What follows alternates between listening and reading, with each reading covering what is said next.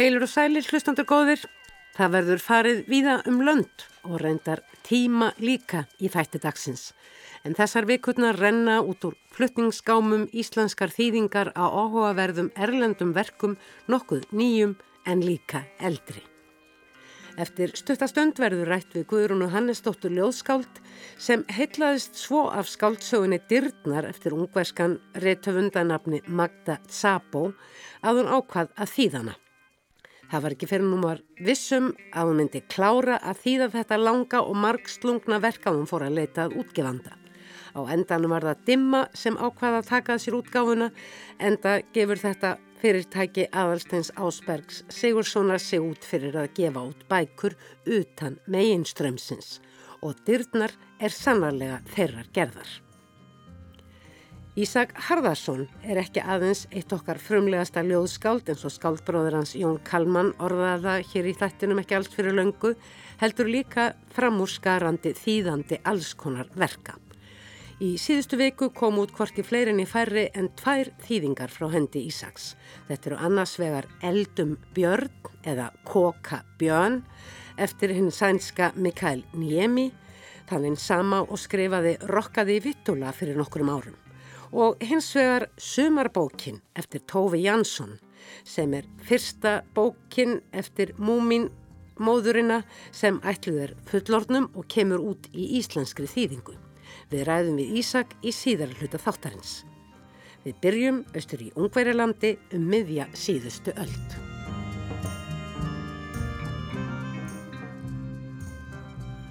Ungverska skáldkonan Magda Szabo fættist árið 1917 í borginni Debrecen sem í dag er næst stærsta borg Ungverjalands en var á þessum tíma kannski austasta stórborgin í austurísk ungverska keisaradæminu sem leiðundur lok með heimstyrjöldinni síðari árið 1918.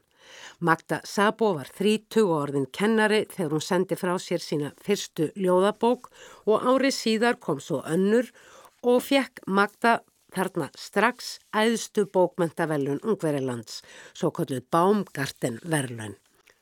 Verlunin voru reyndar nær samstundist tekin af henni.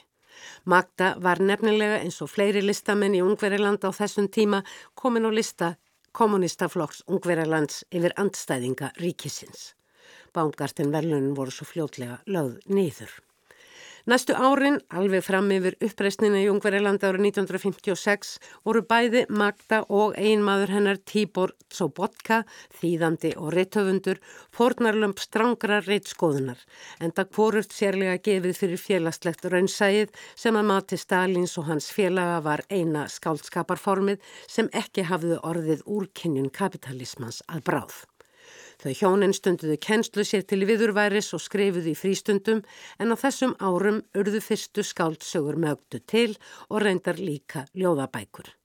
Þegar svo losna fór um þessar hömlur streymdu verkin beinlinis úr rittvílinni en það aðstæður mögdu þannig að hún gat einbeitt sér að skriftunum. Í fljótu bræð er að sjá að umfjöllunarefni skáldsagna mögdu hafi að miklu leiti snúist um líf hvenna, bæði ytra og innra líf og gerast þær flestar á 20. stöldinni en nokkra líka fyrra á tímum. Einn þekktasta skáldsaga hennar fyrir utan þá sem hér er til umfjöllunar er Abigail sem kom út árið 1970 og fjallar um æfintýralegt líf ungrar stúlku á tímum heimstyrjaldarinnar síðarinn. Eftir henni var árið 1978 gerður sjómasmyndaflokkur og svo söngleikur árið 2008, ári eftir að Magda lést. Skáltsagan Dyrnar kom fyrst út í Ungverilandi árið 1987 og nú fyrir skömmu í íslenskri þýðingu Guðrunar Hannesdóttur Leoskálds. Svo saga byggir nokkuð augljóslega á lífi mögdu sjálfrar en sagan snýstum samband viður kendra skáldkonu og afar sérkennilegra ráðskonu hennar. En Magda mun einmitt hafa notið aðstóðar einnar slíkrar við heimilistörfin til að geta helgað sig alfarið skriftunum. Allmarga skáldsögur Mögdu Sabo hafa komið út í þýðingum viða um lönd, þær hafa vakið mikla aðtikli og yðurlega verið tilnæmdar til veluna og hlotið um allmörg, ekki síst dyrnar, sem einni hefur verið kveikmynduð og fór Helen Mirren með hlutverk ráskonunar. Magda Sabo lest eins og áður saði árið 2007, 90 árað aldri en síðasta frumsamda bók hennar Fyr Elíse kom út árið 2003 og mun hafi verið áætlað að yrði tveggjabindaverk sem ekki varð.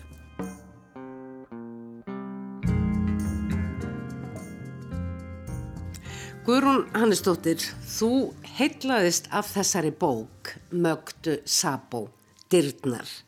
Hvernig eiginlega komst í kynni við hana? Ég hafði aldrei heyrt hann höfund nefndan þótt sköms ég frá að segja.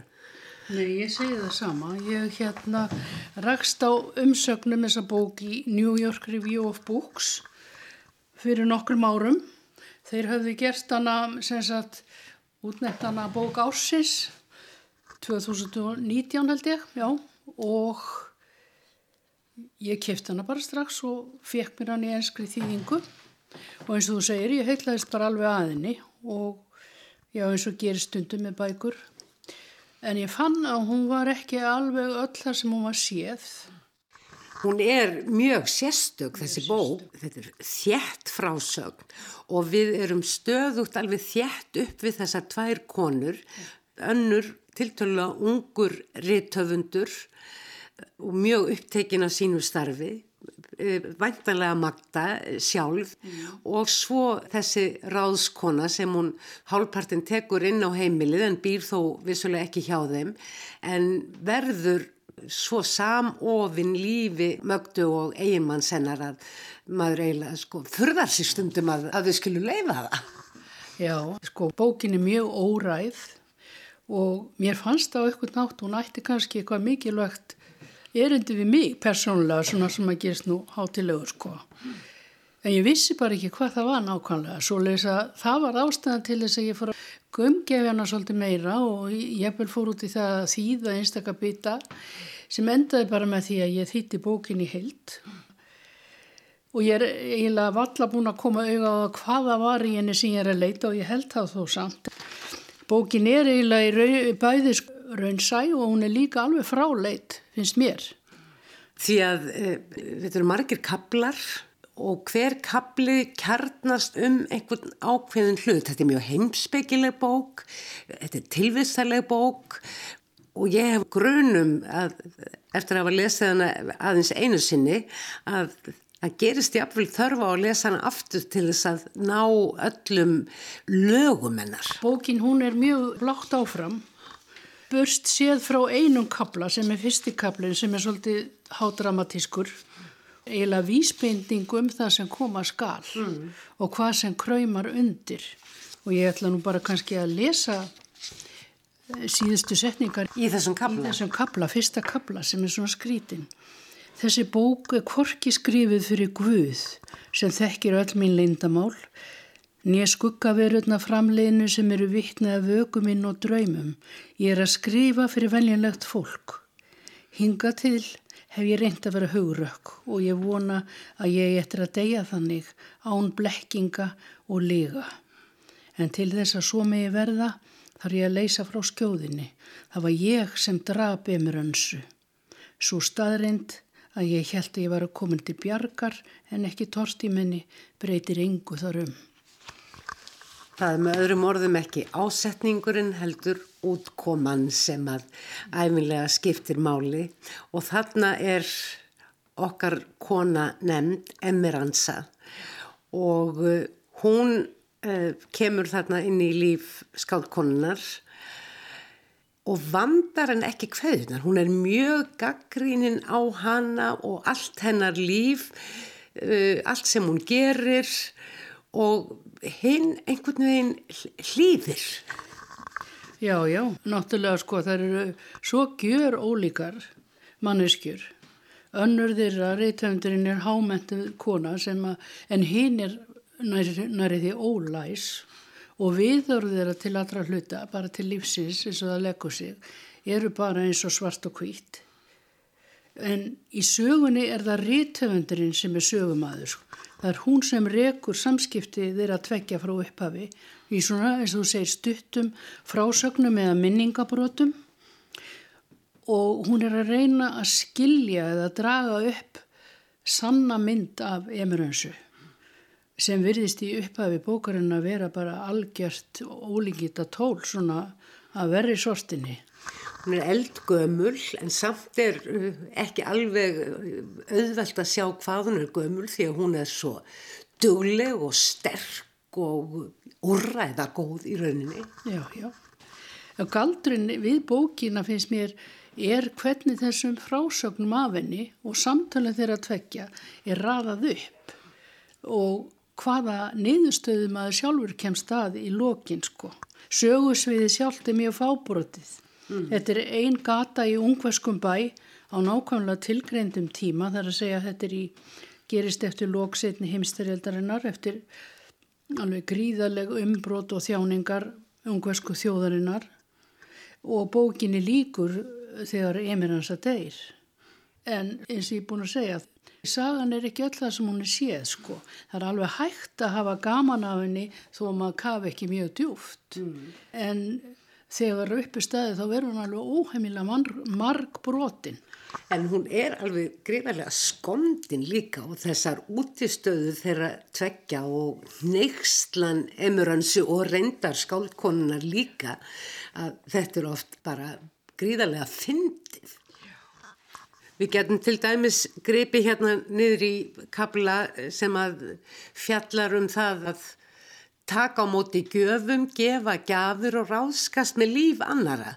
En Emir Ansa hefur vanið sig á að koma með gafur handa þeim eh, hjónunum og hún vil gerna sjá þessum gjöfum stilt upp en þau hafa nú kannski misjafnan smekk bæði hjónin innbyrðis og líka annan smekk heldur en Emir Ansa og einhvern tíman mislíkar Emerensum mjög við það hvernig þau stilla upp eh, því sem hún hefur gefið þeim. Svo mikið að hún dyr og ætlar aldrei að koma aftur en uh, Magda eða skáldkólan má ekki til þess hugsa að missa hana og þykist þurfa að brjóta átta álæti sínu og fara og hitta hana. En hvað heyra þann kapla hverjum? Emerens að kontu út við þurfum að tala saman. Ég held hún væri að draga á langin að svara en svo sá ég að hún var búin að opna og stóð fyrir hraman lokaða dittnar. Hún var alvarlegi bragði næstum þungbúin. Ertu komin til að byggjast fyrirgerningar, spurð hún. Það getti yngra reyði í röttinni. Ég þurfti á öllu mín að halda til að geta stilt mig. Nú er eins gott að verja orðin á kostkefni svo við getum báðar haldið virðing okkar og sönsum. Nei, Við höfum sannlega ólíkan smekk en það skiptir ekki máli. Við ætluðum ekki að særa þig. Ef þú vilt þá getum við haldið gifsundinum. En við komumst ekki af án þín. Vilt ekki koma tilbaka. Þið haldið þá hundinum. Röttin var full sjálfströst eins og hjá valdamanni sem gerir grein fyrir eigin skilmálum. Já, svaraði ég. Og hvar ætlaði að setja hann? Þar sem þú vilt. Ég vil ég herbyggi húsbóndans hvar sem þú vilt eins og ég var búin að segja. Svo lögðum við á stað heim. Fjóla síndi í fyrstu engin viðbröð, ekki fyrir nefnir eins að var komin að stiganum og nefndi nafnið hans. Þá láfið hann breyti niður hurðina. Hún bauð manni minn um gott kvöld og rétti honum höndin eins og hún væri að ganga í vistina upp á nýtt. Hún klappaði fjólu sem var orðin alveg frávita gleði og leiti kringum sig. Littla stittan af hundinum stóð á eldúsborðinu. Dittnar voru í hálfa gátt og hún sá hann strax.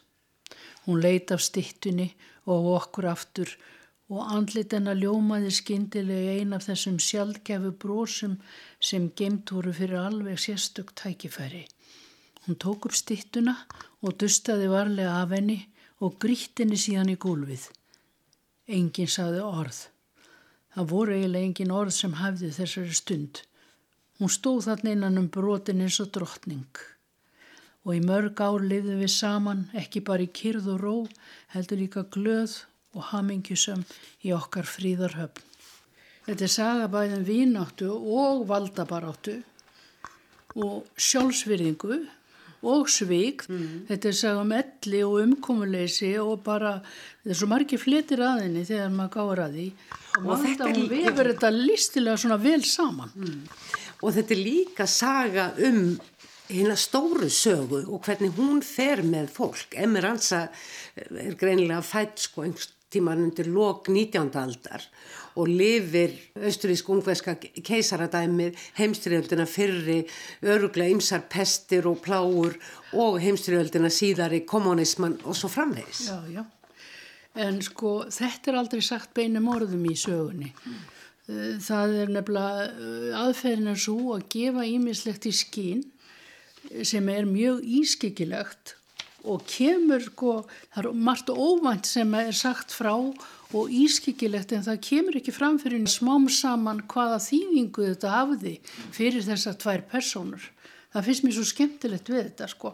Sagan fer fram og aftur í tíma og hún tefli saman svona lýsingum sem eru stundum drömmkendar og, og stundum rillilegar og stundum fyndnar eins og þú segir en það er spurningin hvað, þetta, þetta er verið að leita svara við því hvað hefur mótað þessar tvær manneskjur. Og hvað það er sem veldur því að þrá þeirra eftir ástofi náttu rekst svona ríkalega á ymsa skafanga sem fólk hefur náttúrulega hefur afdrifleikar afleggingar sko því þetta er saga um um orð til dæmi sem ekki verða tekinn tilbaka og gerðir sem að maður hefði vilja láta hverfa og ákvarðanir. Ákvarðanir og örlaríkar ákvarðanir og bara venjulegu lesandi sem les þessa bók hann ánáttúrulega í sínu reynslubanka ímsa svona minningar af slíku hérna slíkri reynslu í ykkur mæli. Svo takast þarna líka á trú og trúleysi, grískar goðsögur koma þarna við sögu, það verður að spegla líf manneskunar, líf heimsins í svo mörgu. Já, já, en þessar tvær konur, sko, Emiransa, hún er ómentuð alþýðu stúlka mm. og einstæðingur algjör. Hún hefur reynd náttúrulega eins og segir algjör að ótrúlega hörmungar allt frá barnæsku og eins og ég sé hana þá bregst hún þannig við því að hún skapar sinn eigin heim það sem stránga reglur gilda sko. Hún vil lifa samkvæmt sinni eigin bestu getu í þeirri vona að vera heið, geta sko átt heiðvirt líf. Hún reysir sér í rauninni einhvers konar grafísi í lífanda lífi. Hennar aðsta ósk er jú að, eftir döða hennar að þá verði henni og hennar fjölskyldu reist grafísi en í rauninni er hún sínuleiti búin að gera það með því að, að koma sér fyrir í íbúð í húsi þar sem hún er sjálf húsvörður og hleypir engum inn í þessa íbúð. Nei. Allir hennar gestir koma bara á pallin hjá henni. Já, en hún er svona tvíbrotin, hún lifi líka í heimi smælingja og í heimi dýrana og þeirra sem minna meiga sín. Þeir eiga hennar hotlustu alveg úti við gröf og dauða mm.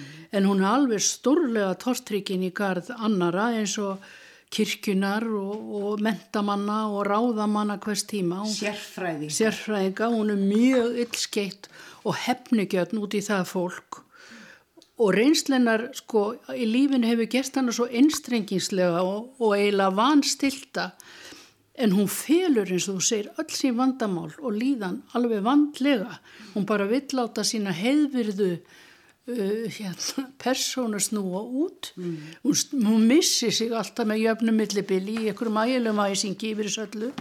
En hérna hún á sér það markmið í lífinu að vinna sér inn sem sagt nægilegt fyrir til þess að geta rist þetta grafhísi við fjölskyldu sína og allir hennar kraftar og allt hennar líf fer í það. Mm. En svo er það náttúrulega reythöfundurinn á móti, Magda sjálf, það hún hefur sagt það sjálf og hennar heimur er heimur bóka og, og menningar og hún dreifir um sig með svona lærðum fróðlegsmólum sem eru takk fyrir hennar hugsunarhátt og, og status og þetta er hennar öryggisnett hennar grafísi. Já, já, og hún telur sér mjög trúrakna mannesku en hún er alveg afskiptalöstum sagt, flest fólk. Hún lokar augunum bara fyrir ymsum hryllingi í sínum umhverfi ólíkt emerensu mm.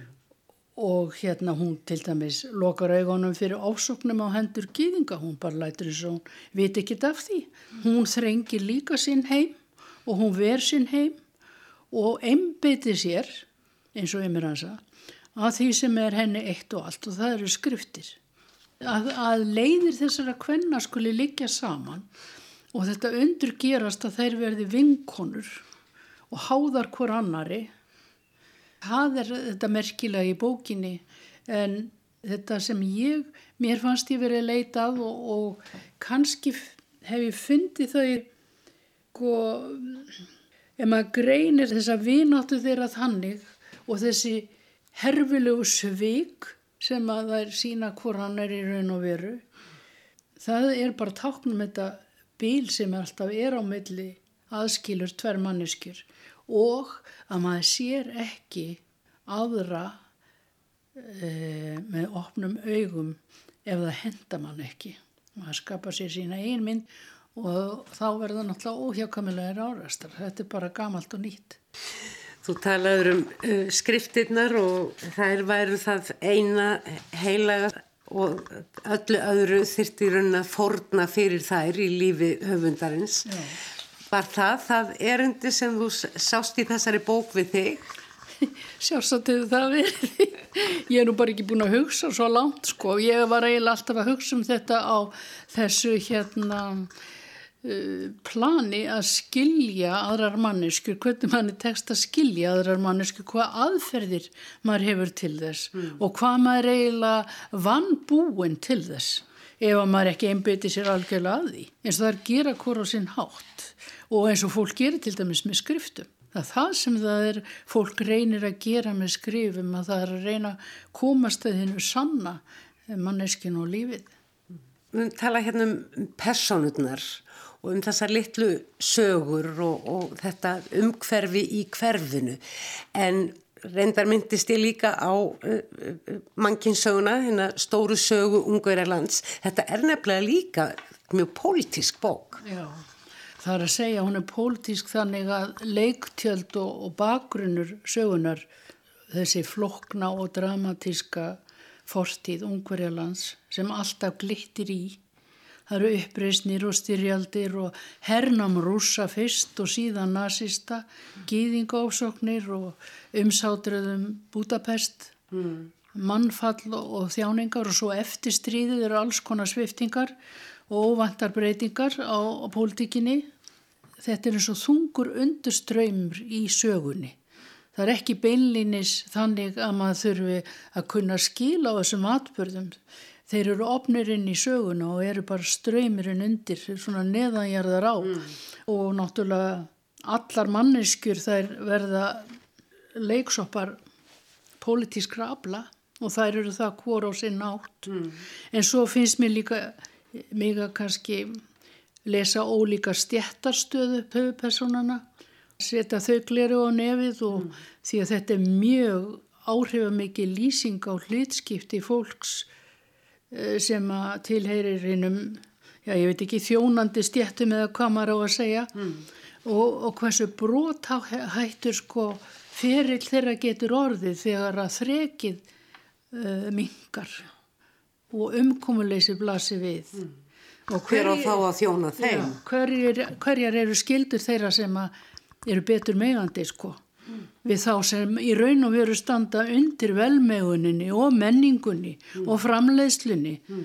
þetta er nú ekki alveg hreint ókunnugt Nei, einmitt En segðu mér, þú þýttir þetta úr ennsku en þú varst nú fljótað að draga að þér þýðingar yfir á fleiri tungumál og það stendur fremst í bókina þú hast síðan fengið ungverja til þess að lesa þetta yfir. Já, já. Það er ekkit alveg grín að þýða svona öðru tungumálinn stundum er ekki manna að ræða. Nei, nei, ég, ég náttúrulega veit alveg upp á mig skömmin að þetta er náttúrulega ósmaðsæði að þýða úr tungumáli sem maður ekki kann. Ég fór náttúrulega ímsar svona fjallabagsleiðir að því og þýðingin tók mig mjög langan tíma og eins og þú sagðir ég sapnaði svona, ég var með norska, franska, þíska þýðingar þó að enska hafi verið lögð til grundvallar og ég er eiginlega eh, mjög fegin að ég gerði þetta þannig að Ég þýtt hana í upphafi bara í einum rygg vegna þess að með því móti mér fannst ég skinja tón, réttan tón sem er tókst einhvern veginn að halda út eh, hérna alla söguna og ég held að, að það hefði bara beinlega hjálpað mér að ég var ekki að Það er ekki með rattir fleiri þýðenda. Já, já, segðu. Því að það eru alls konar útudúrar og krókaleiðir í þessari sögu sem útheimta það að rétti tótnin verður að vera halda bara. Það þýðir ekki að vera með neina bláþræði í þessum samskiptum þeirra tveggja, sko. Mm. Samtölinn verða að vera eins og personurnar að byrstast á, á svona réttan hátt. Mm. Þetta er svona mósækmyndir sem er varpað upp svona lýsingar og atbyrðir. Svo margar sögur af öllum hlutum. Það er svo mikið slúðrað, það er svo mörg lendarmál og svo framvegis. Já, og svo er annað, þetta er mjög fámenn bók. Í raun og veru er þetta ekki nema fjórar personur, Emeransa og reytöfundurinn og maðurinn hennar og einn hundur. Mm. Þetta er aðal personurnar og þunga miðjan í bókinni. En auk þeirra þá byrstast ymsar skemmtilega raukapersonur, það eru bæði menn og dýr og þær eru ekki heldur allar það sem þeir eru síðar. Sko, þegar sögunni líkur þá er maður ósjálfrátt var hann að grubla út í hvað hafi drifið á daga þessara aukapersona hvern mann þeir hafa geima eða hvaða skuggalega innræti þeir sé að fela. Hvernig er heima hjá þeim? Já, og spurningin vaknar sko, er hægt að treysta frásögnum þeirra og tólkunum þeirra. Hmm. Þannig er sagan allan tíman svona óræð. Þetta á líka náttúrulega við aðalpersonunar er hægt að treysta því sem er að segja og maður, það er margi sem hafa spurt sig þess, með þessu auka personu sko fulltrúar hverra eru þær í mm, sögunni? Mm, og fulltrúar hverra er emirans á ritthöfundurinn en sko þegar að ritthöfundurinn lýsir emiransu þá gefur hún henni svona góðsagnarlega blæi eða eitthvað skonar já yfirbræð en sko er hún þessi holdgerfingur sjálfsvirðingar og dugnaðar sem hún vil láta líta út fyrir. Er hún vendar í smælingjana eða er hún kannski bara útsmóin meistar í að nýta sér hérna og komast af svona á hryllilegum tímum. Og maður spyr, er reythefundurinn, er hún svona sérlífin og uppskrúið ykkur mentasnopp hæna sem dreifir úr sem er lær, lærðum fróðleika eða er hún bara reythefendur sem þráir umfram allt að bara geta miðla list sinni og skapað hana mm. og sem bestan hátt. Mm. En þetta kemur ekki ljós fyrir smá saman og frásagnamáti mötu finnst mér verið svo heitlandi að maður bara er að hugsa um þetta bæði aðal og aukapersonur og, og meiri segja hundin. Það, það er í sögun er alveg frábært portrétt af hundi sem heiti Fjóla og maður fer ósérrátt að líka að spyrja sig fyrir hvað stendur hann? er hann kannski sendibóðið svona á milli raunheima og, og handanheims mm. og bara... Það skal ekki fram að fjóla er kalkinshundur. Já, já, já, en mér hans er ekkert að skipta sér að því. en hérna er, hún, er hann kannski bara svona byrtingamind varnalösa dýra sem menn fara illa af með sko. Mm. Það, og hvað hefur drifið á daga þessar vinkvenna efir eins og allra sem eru svona eins og grísku kór í sögunni mm. maður getur ekki stilt sem að fara að hugsa um það því að stílina mötu er það heillandi að maður leiðist ósérrátt inn í svona vangaveltur mm. það finnst mér skemmtilega við bókina. En náttúrulega þegar öll á botni kvöld þá er þetta bara saga um segðferðilega ábyrð manna gagvart hvora öðrum. Og mér finnst það langt síðan ég hef lesið bók sem er um svoleiði stórmál sko sem er bæði hún er nýstandi sár og hún er líka skemmtilega mm. hvernig sem það getur nú farið saman mér finnst alltaf gaman að hafa hérna fengið tækifæri til þess að þýða þetta því að það er ekki marga bækur sem hafa verið þýttar af ungversku yfir á íslensku Nei. Ég man eftir hérna að hann Hjalti Kristgesson, hann þýtti alveg frábæra bók eftir Nobelsverluna höfundir að ungverja sem heitir Eimrija Kertes og heitir Örlögleysi. Það er um um hérna 14 ára úling sem lendir í útreymingabúðum. Mm. Svo veit ég að hérna e, Petöfi sem að, ég veit nú ekki hvernig á að segja þetta, e, það er þjóðar skáldeira, hann var þýttur svolítið af Stengrimi í tostinsinni. Mm -hmm. En ég hef ekki ríkist á mikið annað og ég hef voðalega ánað með að, að hérna hann aðalsteinn Ásberg í dimmu hafi sko tekið þessari bók fagnandi og mm. gefið hann svona fín, flott, fallega út sko. Já, mjög falleg uh, útgáfa, uh, falleg og litin og minnst formið á hann er falleg, hún er svolítið eins og ferkönduð. Já. Já, hún er fín í hendi. Mm.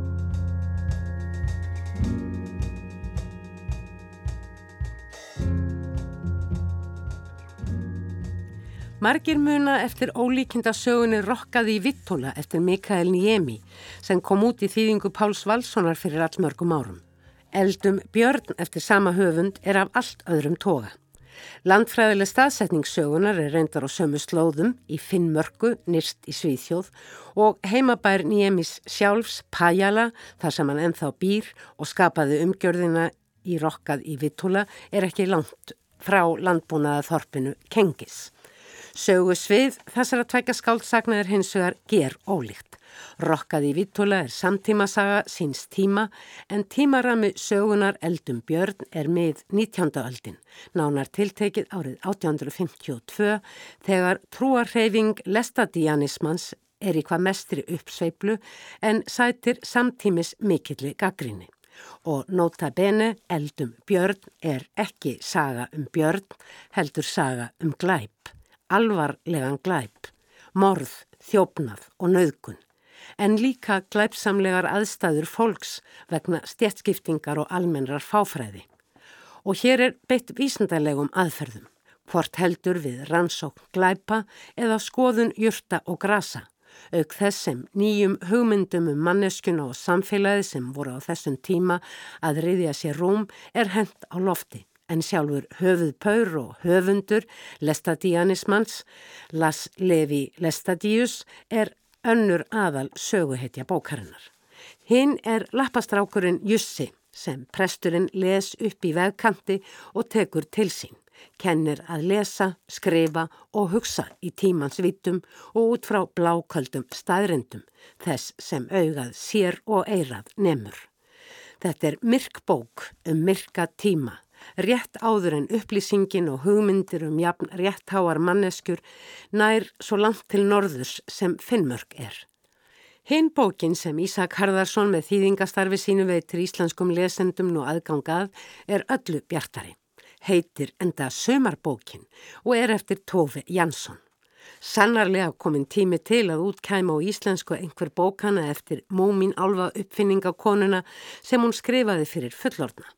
Það var ekki fyrir í kringum áru 1970 að Tófi Jansson sem þá var komin á 60 aldur og múmin álvarnir löngubúnir að tryggja sér og henni sess í bókmyndasögunni tók að senda frá sér bækur ætlaðar fullortnum. Nóvelan Sumarbókin er önnur af tíu bókum hennar frá þessu tímabili og svo besta, segja margir og svo mikið er víst Sumarbókin er dásamleg bók.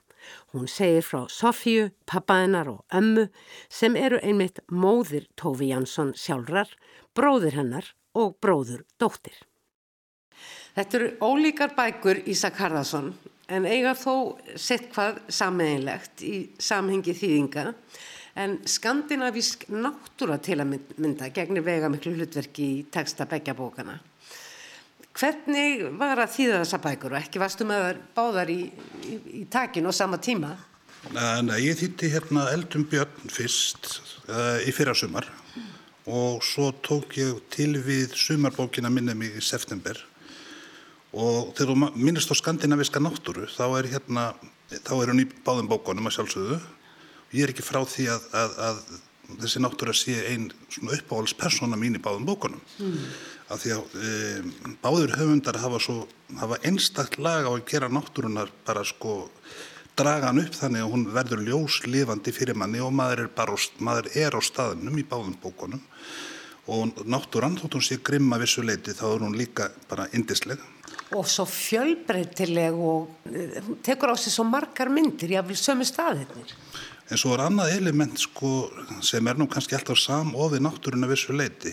Annað element, að minnstakosti í sumarbókinni, hún er svo tímalus og uh, hún getur gerst hvena sem er. Mm. Uh, þessar litlu sögur sem er myndað þessa bók Amman og Sofía á samt pappanum sem kemur lítið við sögu það eru náttúrulega stattar á eigu í mm. finska skerjagarðinum og þar getur verið hver sem er og þær eru í rauninni svolítið í fríi eða hafa stíið út úr heinu svona venjulega lífi. Þær búa ventalengstar í borginni þær eru í sömardvöl á þessari eigu sinni þanga sem að fjölskyldan greinilega hefur komið í áravís alltaf á hverju sömri byrja á því að fara í bað, fara í morgunbað. Fyrsti kaplin heitir held í morgunbað og svo endar það með því þegar það verður að ganga frá blómapottunum og, og setja hlera fyrir glukkana.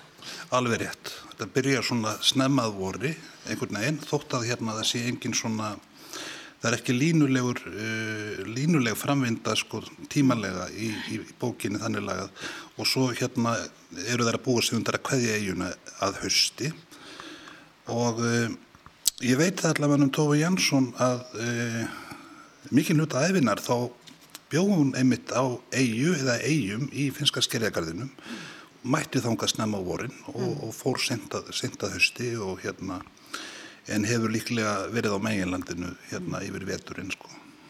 Það sem ég fannst líka svo aðtiklisvert við þessa bók og dásamlega fallegt fyrir utan eh, beinlinni sambandi millir ömmunar og stúlkunar það er þessi, uh, þessi ræktun sköpunar, ég vil segja, absins í þessari bók.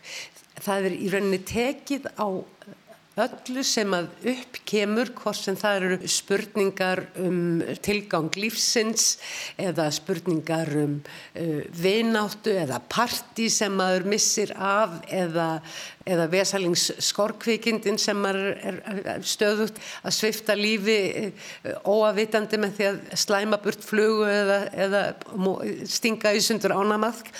Það er alltaf tekist á við þessa, þessa hluti sérkvært módlæti þá hefur amman það ráð þar að segja sögur, tekna myndir eða eitthvað þýjumlíkt.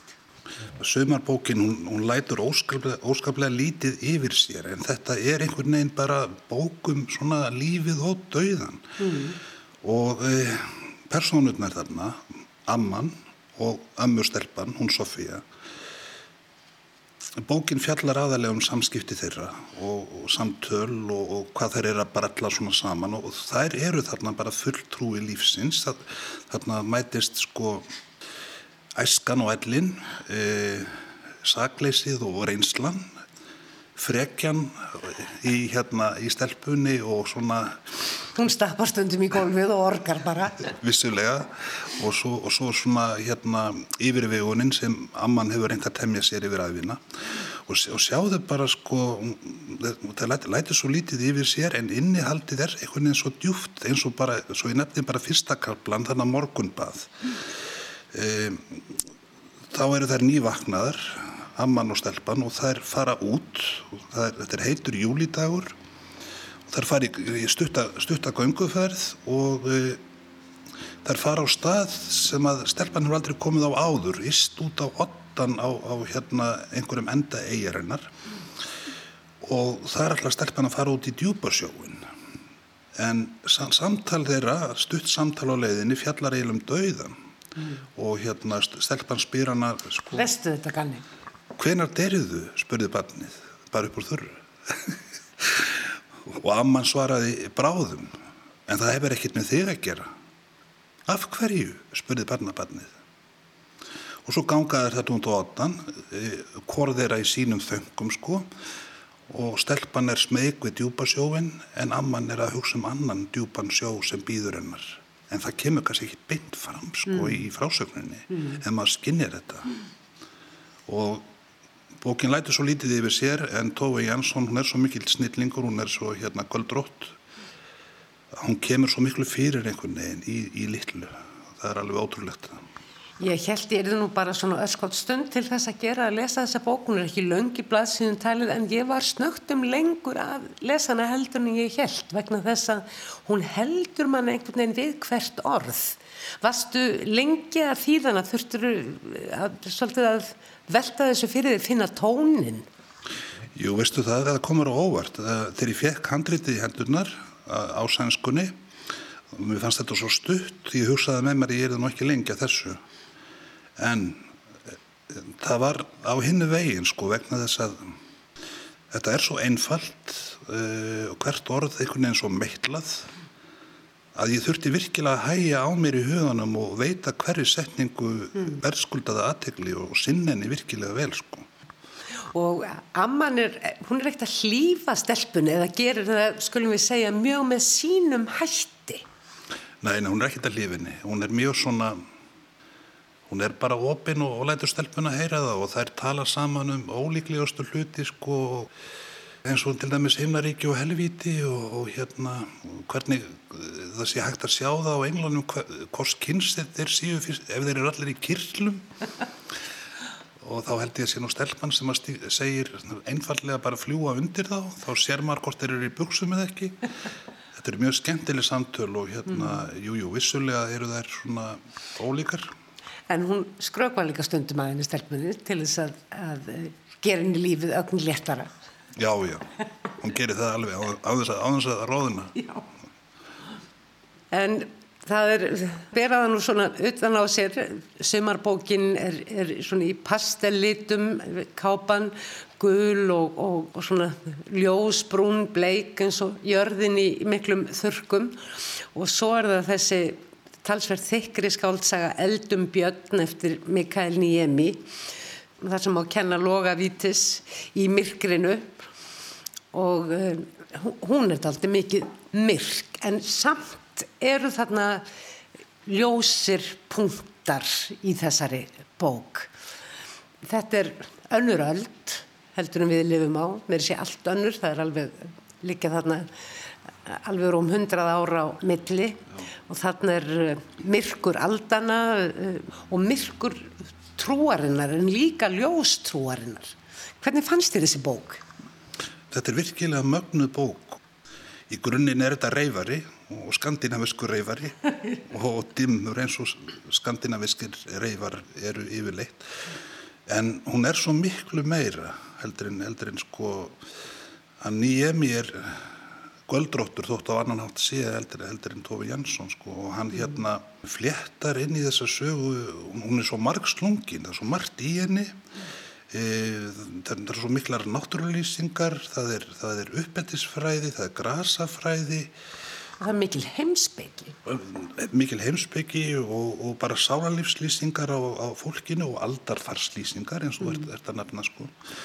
Og myrk, jú, hún er myrk Eh, þetta er náttúrulega glæpasaga og svo er þetta svona nötilið ástarsaga líka og... Aðal personar eru presturinn þar sem að Lars Levi Lestadius er sem sagt fyrirmyndin. Eh, nýjemi mun vera alveg upp í næsta húsi við húsi þar sem Lars Levi bjó. Já. skildist mér á einhverju viðtali sem ég sá við hann.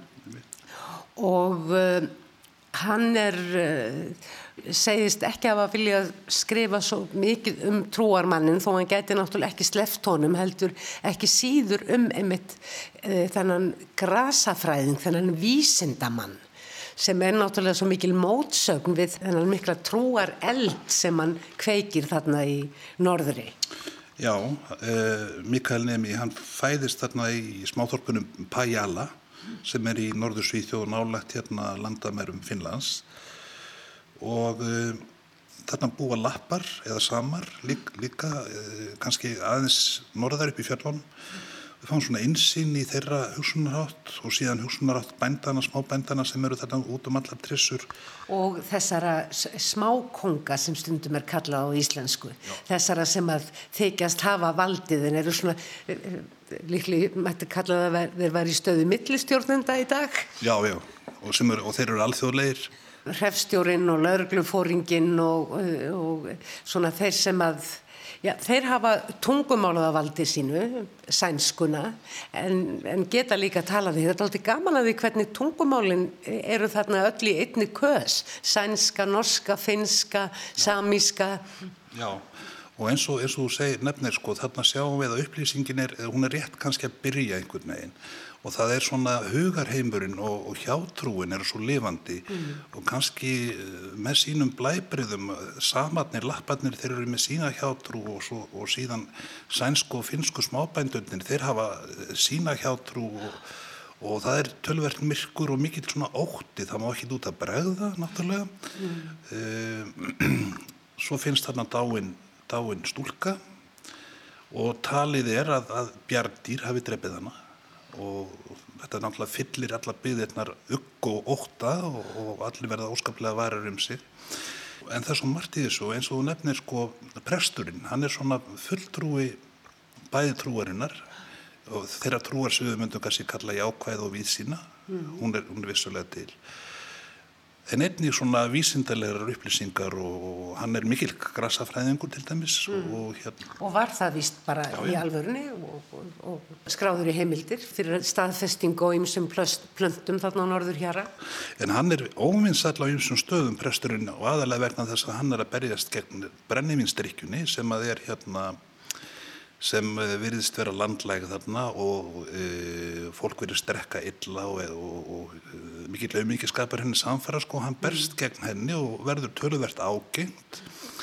Þannig að e, svona vertarnir þeir missa tekjur og þeir eiga vini af aðri stöð Það eru hagsmunir. Það eru hagsmunir. Já, já, já En um, það sem sittur eftir í mér svona eftir að þýtt þessa bók og verið, verið svona í félagskap við hann í nokkra mánuði sko það er, það er óskaplega lifandi lýsingar bæði á prestinum, Lars Levi og drengnum, Jussa mm. sem að hérna hann e, rekst á, á, á vergang frá fóröldunum sínum sem verðast að farið illa með hann. Presturinn finnir hann á förnum vegi og tekur hann að sér og eilar hann upp, kennir hann um að lesa hann skráir hann í kirkjubók og þar með er hann orðin til. Og þetta er einhvern veginn gegnum gangandi gegnum alla bó bókina. Þetta að skrásetja, þetta að skilgreina að þar með eru hlutir orðnir til. Prestunleikur mikið upp úr því að, að skrifa niður. Einmitt, einmitt, þetta er hérna Þannig ferum við að upplifa sko, umhverfið í bókinni með augum drengsins. Fyrst er hann bara, hann er bara fákunandi og kann ekki neitt og veit ekki neitt og er döð, döðrættur við allt og alla. En já, presturinn kennur hann um að lesa og það er uppgötar drengurinn alveg nýjan heim og uh, nýjemi lýsir þessu svo lifandi hátt að maður sér þetta allt fyrir sér einhvern veginn. Mm. Mjög skemmtilega. Bókin var jú valinheld í bók ársins árið 2017 árið sem hún kom út í Svíþjóð og þetta er, þetta er, það er hraður taktur í þessari bóka mörguleiti. Það er svo margt sem er að gerast. Við höfum eh, minnst á, á bændurna og drikkjuskapin, það er kirkjureknin, það eru þessir eh, löngu göngutúrar og samtöljussa við, við prestinu, þetta heldur prestsins við jussa.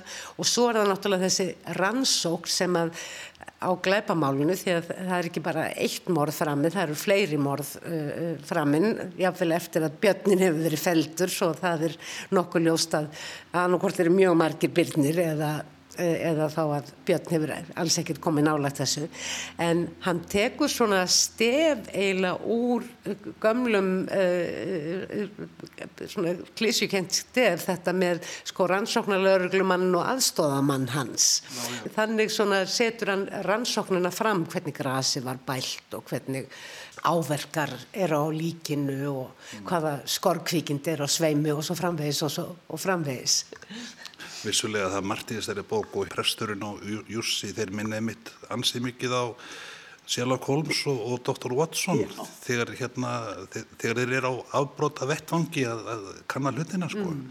mjög skinsamir og mm. svona nákvæmir sko En um leið er þetta náttúrulega mjög óhefbundin glæpasaga og snýst í rauninni kannski meira um að lýsa svona öllum í samfélaginu og það er þarna mjög mikið ofbeldi og nánast bara ógeðslegt. Mér var það eiginlega alveg um og ó og ég var eiginlega hissa þegar ég fór að lesa gaggrínu um bókina svona í ellendum, á ellendum netsíðum að það er lítið talað um þetta ofbeldi. Já, það er virkil, virkilega hérna nokkru kaplar í bókinni þar sem að ofbeldið er yfirgengilegt sko. og eh, enda lítur ofbeld alltaf að vera ógeðslegt sko. Mm. Um, en eh, Mikael Niemi hann hefur bara viljað hafa bókina krassandi og hann hefur viljað hafa gaman á að skrifa, skrifa hana þannig hún er, og ná allt annað er hún spennandi og heldur manni alveg við efnið, maður verður aldrei leiður einhvern veginn. Og þeir eiga eh, vissulega sambúðmanns, eh, ekki síst þessir, þessir tveir og eiginkonan, stoltið svona skemmtilegt hennar hlutverk. Þau eru jú sáð nánast eins og þau séu gömul en þau eru ekki nema bara rétt rúmlega 50. Já, hún er svona ljóslefandi fyrir manni, hérna eiginkona pressins, Britt Kæsa. Já. Já. Það er kraftur í henni kellingunni og Já. hérna og hún er svona með í diskussjóninni og kemur, það kemur svona annað sjónarhótt inn í uh, samtölinn þarna í byggðarlæðinu og maður trúir þessu þessari bók svona daldið svona sem aldarfarslýsingu sko mm. og hérna nýjemi hefur örgla við að það sér alls konar upplýsingum áður hann að laðist í að skrifa þetta og og sí, síðan náttúrulega þekkir hann andrúslofti þarna frá sínum gamla heimabæ og svona mm. náttúruna þarna og mm. þannig að honum, hann á frekar auðvöld með að gera þetta lifandi fyrir manni sko. mm. Þú hefur, hvað mér syndist ég sjá það var einhvern tíman bara á kannski á tíund ára til síðustu aldar að þú þær að senda frá þér eiginlega reglulega 2-3 þýðingar á ári hverju. Hvað kom til? Er þetta bröðstritt eða finnst þetta gaman? Mér finnst þetta virkilega gaman og mér finnst þetta svo gaman að þegar ég hérna, hef ekki þýtt bóki í einhver tíma þá fer ég að finna fyrir einhvernum frákarsengjunum sko. Ég er einhvern veginn háður þessu að vinna, vinna með texta og mér finnst bara að sjálfsögðu finnst mér vænstum að fá svona bitastæðað bækur eins og þessar tvær sem eru indislegar bækur sko en ég hef viljað þýtt hvað sem er mm. og hérna tel mér trúum að ég læri af öllum texta sko og mér finnst ég alltaf vera sko, ég fæ nýjan text í hendurnar, nýja bók sem ég á þýða. Og þá finnst mér eins og textin sé einhvers svona líka mig og ég sé flík svona ný flík eða, eða, það sé verið að prjóna mig. Og ég verð að laga mig að líka mannum einhvern veginn. Þannig að sko textin tekur alltaf svona mm. það er alltaf, ég segi ekki að takja mér völdin en ég verði einhvern veginn svona að lútónum á vissu leiti en að öðru leiti þá er þetta bara mm. skemmtileg, skemmtileg svona glíma sko. Þetta er samneiti og samvinna Já, þetta er það, þetta er það. ég get alveg týnt mér í þessu sko, þess, mm. þess vegna Notar þau mikið orðabækur? Alveg töluvert sko, mm. já já og það eru náttúrulega orðabækur á netinu sem auðvilt er að komast í mm. þannig þetta er allt við hendina svona sko og uh, ég spyrs líka fyrir ég, ég þekki til dæmis fólk í Svíþjóð ef ég lendi í svona miklu vandræðum þá spyrst ég fyrir og mm. reynir bara við að mér upplýsingum sko. Ertu aðalega þýða úr sænsku eða norrlandamálum en hefur ekki líka þýtt úr ennsku? Jújú, jú, sænsku, dönsku, ennsku og mér finnst, mér finnst skandinavísku máli miklu skemmtilega heldur en ennskan hún er einhvern veginn um, þau eru miklu meira lifandi, þau eru náttúrutengdari þau eru gagsari mm -hmm. það er eitthvað svona líf inn í þeim en ennskan er miklu svona bara hún er eins og uppfinning sem kemur sem kemur bara, hún er svona samkómulega bara millir manna, sem kemur endilega ekkit svona umhverfinin eða náttúrunin neitt við. Sko. Já, ég skil.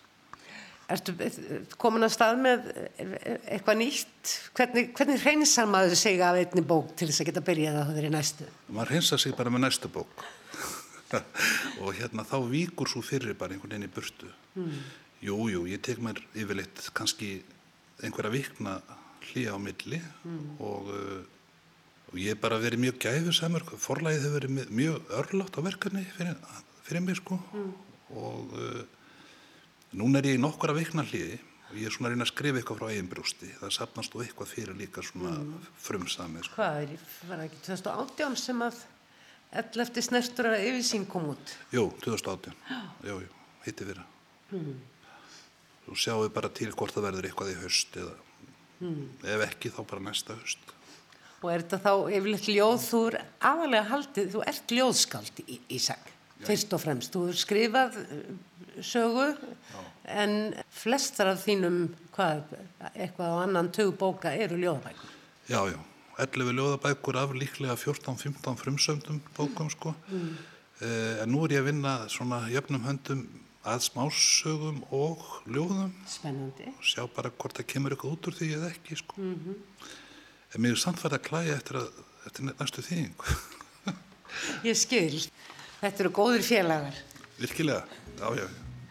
Ísak Harðarsson, takkaði kærlega fyrir spjallin. Var skemmtilegt. Takk sem ég leðis. Fleiri verða orðum bækur ekki að þessu sinni. Tæknimaður var Úlfildur Eistensdóttir. Takk fyrir að hlusta. Verði sæl.